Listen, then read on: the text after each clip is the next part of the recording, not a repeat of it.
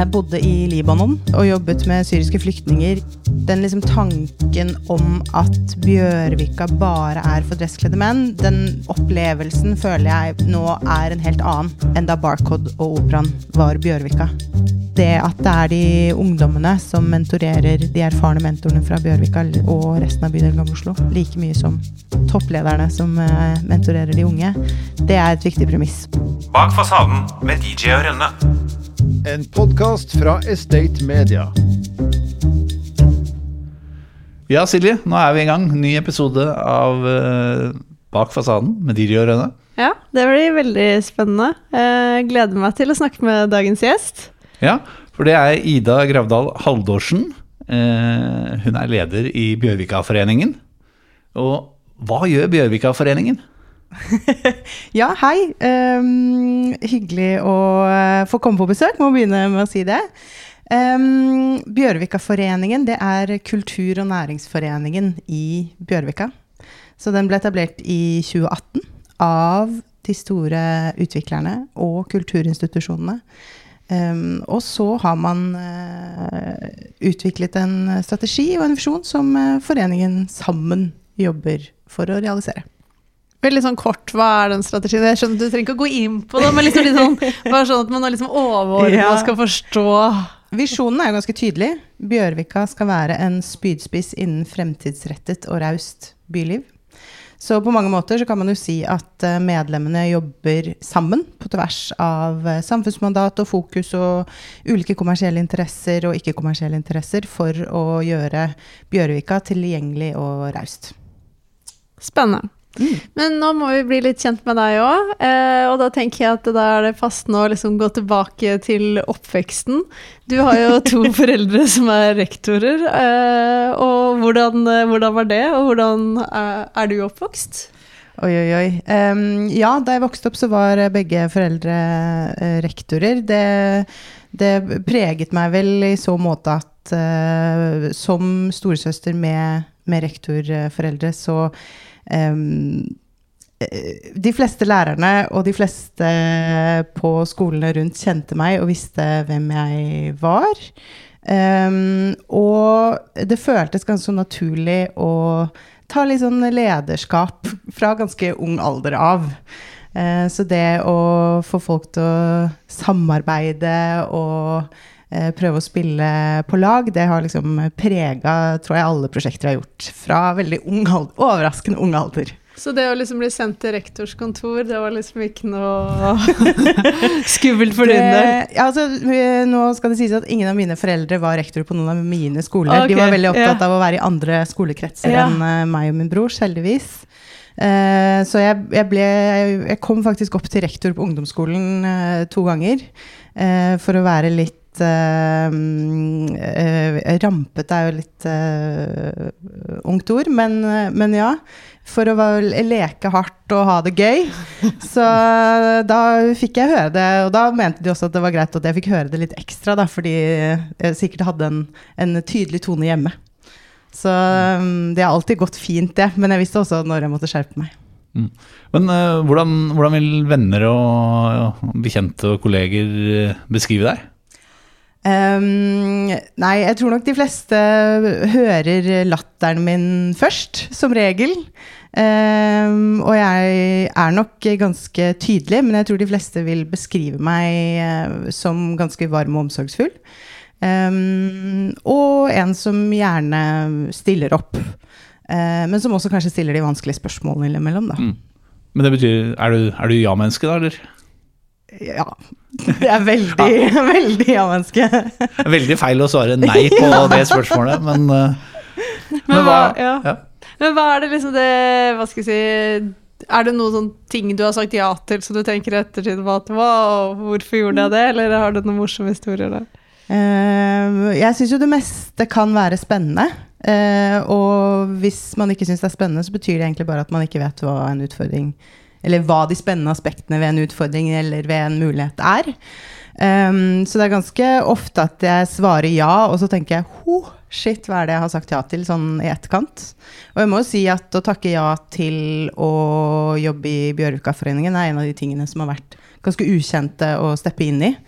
Um, uh, og hele den rekrutteringsprosessen var, uh, var litt annerledes enn eh, enn, eh, de erfaringene jeg har hatt fra tidligere. På hvilken måte da? Eh, før jeg reiste eh, Eller for å begynne på et annet sted. Da jeg søkte på denne jobben, her, så var jeg egentlig ikke i jobbsøkingsmodus.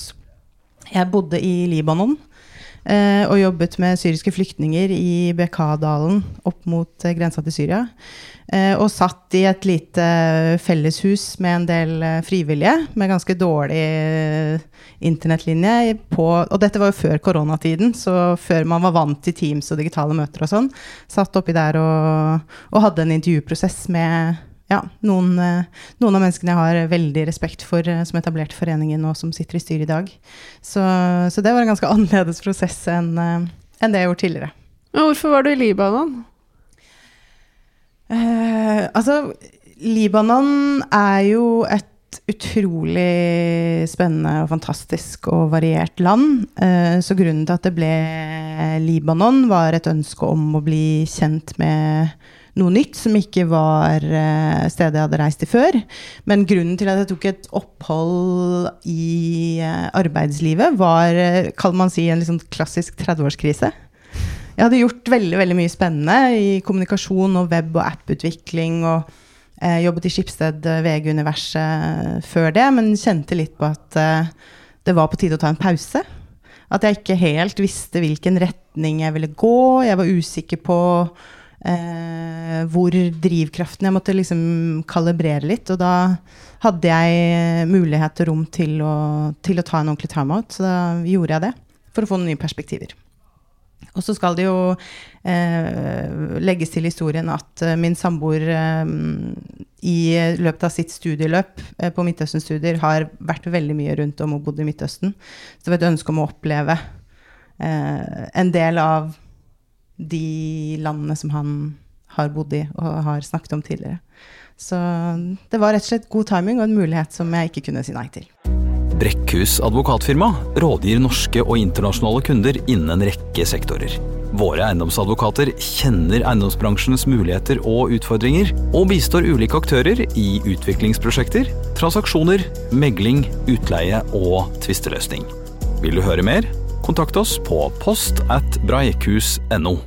Du har jo en uh, veldig sånn sterk rettferdighetssans. Hvordan har du fått den? Ja, altså rettferdighet er Man får jo liksom lyst til å bli litt sånn øh, filosofisk på er det arv eller miljø, og, og, men det er jo noen hendelser som, som jeg nok, når jeg ser tilbake på oppveksten, har preget meg veldig. Eh, og som man på et vis kan kalle tilfeldigheter, men som nok også har vært litt aktive valg eh, fra min side eh, når man ser tilbake på det. Og jeg begynte å jobbe som brukerstyrt personassistent for en multihandikappet jente da jeg var 15. Så det var en av de første jobbene jeg hadde. Så det å se hvordan velferdssystemet i Norge fungerer på fantastisk vis og tilrettelegger, men også se uh, hverdagsutfordringene komme veldig tett på. Um, det prega meg. Um, jeg var veldig heldig og fikk lov til å reise med Helsingforskomiteen til en, en litt sånn flyktningintegreringsleir i Kirkenes da jeg var 15-16. Um, hvor man møtte, eller hvor jeg møtte ulike flyktninger fra alt fra Nepal og Somalia, Irak, Afghanistan. Eh, hvor vi var sammen på en ungdomsleir en uke. Eh, og se de forskjellene og eh, i hvordan livene våre hadde vært frem til da, men hvor utrolig like vi var. Det prega meg. Eh, jeg reiste til eh, Makedonia eh, med Røde Kors på videregående for å lære um, å bli kjent uh, med uh, ungdommer fra de uh, ulike Jugoslav, altså gamle jugoslaviske landene. For å um, Målet til en Røde Kors var vel da å, å, å få disse ungdommene i dialog. og vi var en, da en liten norsk delegasjon fra, fra Oslo som, som, ble sendt dit. Og det var også veldig definerende og sjelsettende. På, på hvilken måte var det det? Det man kommer fra et sånt utrolig privilegert sted, hvor man på en måte ikke skjønner helt hvorfor ting er vanskelig. Um, og så blir man sendt på et personlig plan og får høre om familietragedier. Og også hvordan man Altså de ungdommene ble i veldig stor grad eh, opplært da, til å Og man er veldig bevisst sin egen lands og sin egen, eh, sitt eget folks historie. Um, så at de skansene mellom uh, land blir um, De blir opplært. Og, og, det skjønner jeg også at man gjør, fordi man Man uh, Det har vært noen veldig vanskelige tiår. Mm. Um, så, så kjenner man jo veldig på at man sitter i Norge med, veldig, med noen veldig trygge rammer. Med to ekteforeldre og, og en uh, lånekasse og alle ting som uh, velferdssystemet gir oss. Så det har nok prega meg, ja. Mm. Uh, du har jo Vi har jo hatt deg i spalten vår Ung profil, ja. og der kom det jo frem at du, du er feminist. Mm. Eh, hvorfor det? Og hva, liksom, hva, legger du i det?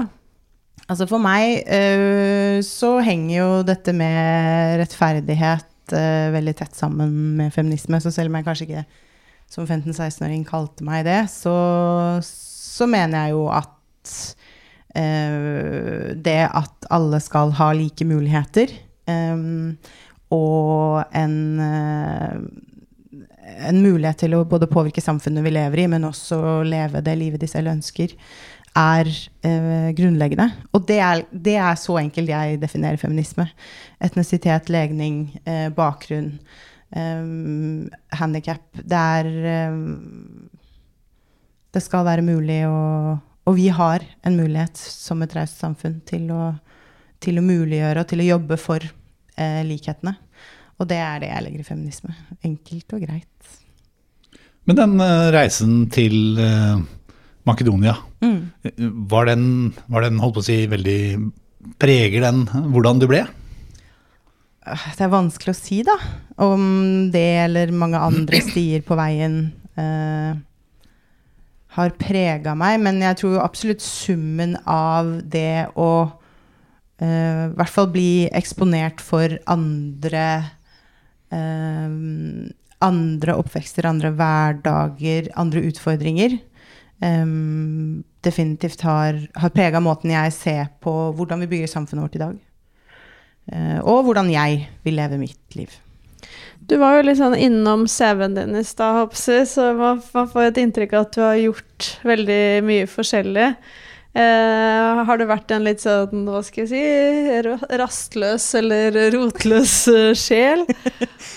ja, det, det, kan jeg nok trygt si. Jeg har nok fått beskjed uh, var opptil flere, både profesjonelt og privat, at jeg er veldig utålmodig. Um, og det, det, tror jeg både er en generasjonsting, altså den generasjonen sent 80-tall, tidlig 90-tallsgenerasjonen uh, generasjonen er nok uh, mer utålmodig. Men så opplever jeg jo også veldig at uh, stillstand er på en måte også et valg.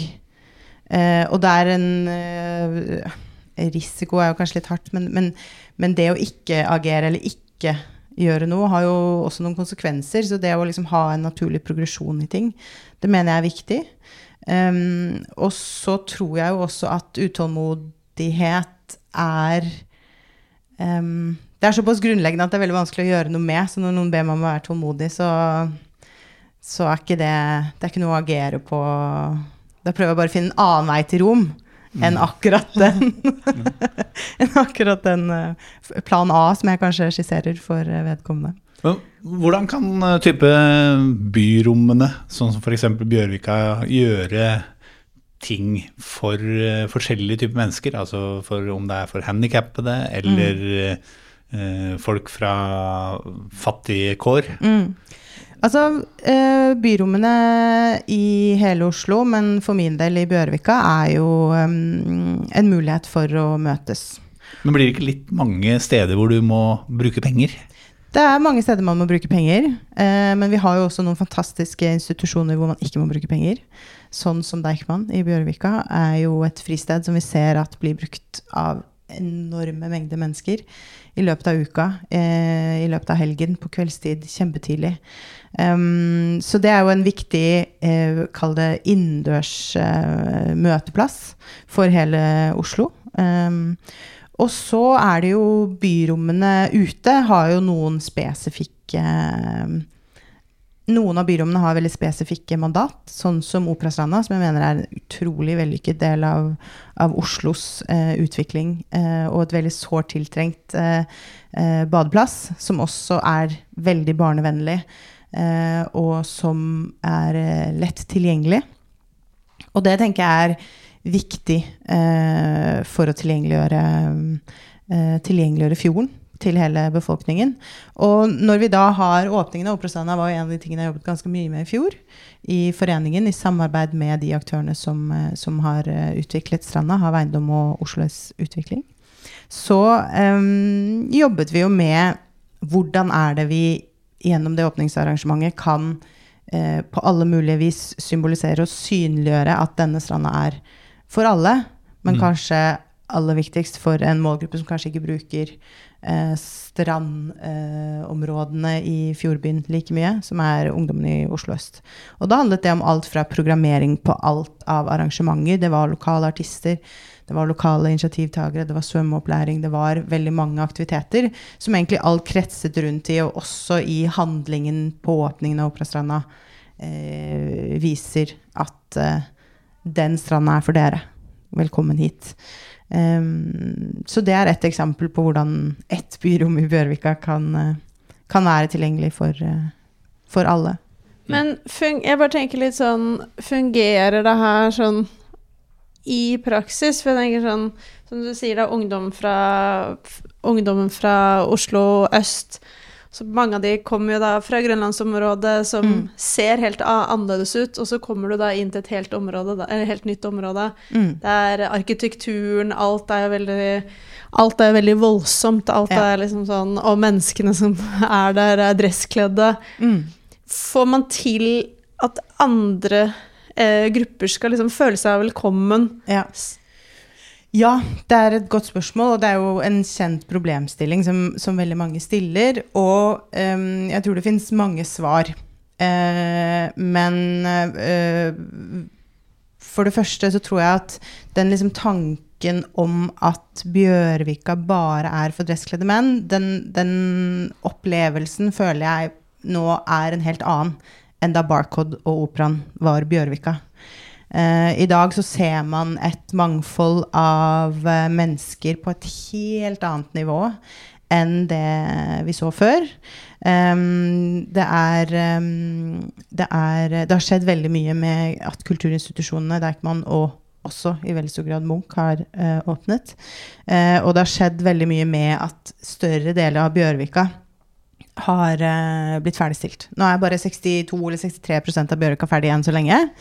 Grønlikaia, det er mange, mange, deler som fortsatt skal, skal utvikles. Men, men, jeg tror der ser vi at, uh, at det er en helt annen type um, del av, um, av, befolkningen som bruker Bjørvika. Når det er sagt, så arbeider vi veldig konsekvent kollektivt med å også utøke uh, tilbudet for en del av, um, av naboene rundt mer.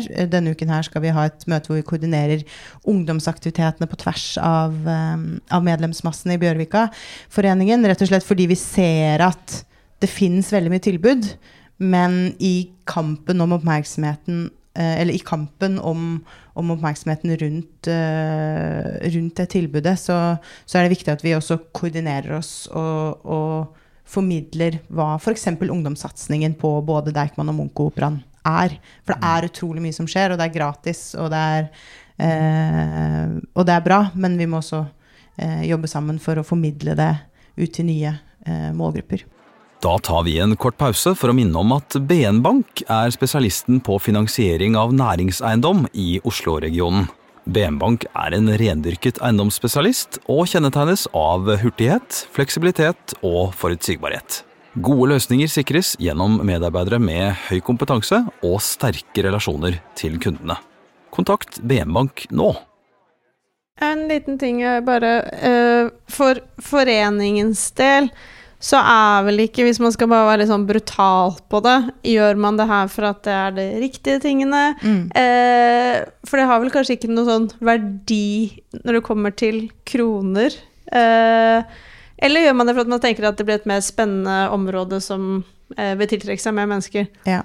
Det, jeg opplever jo at det er veldig det første. Jeg hadde Ja. ikke kunnet jobbet i den jobben her med den bakgrunnen som jeg, vi nå har greid ut om til dere. Eh, kunne jobbet eh, hvis det var en påtatt eh, ønske om å være raust. Eh, Hvis det kjennes ut som et eh, et litt hult mandat. Eh, Jeg opplever jo, og med det styret som er utrolig topptungt, og, og jeg er veldig ydmyk og takknemlig for at de bruker tid og energi på å jobbe sammen på tvers av eh, kultur eller eh, kommunale etater, som jo faktisk både Deichman og Munch er, em, og privat sektor.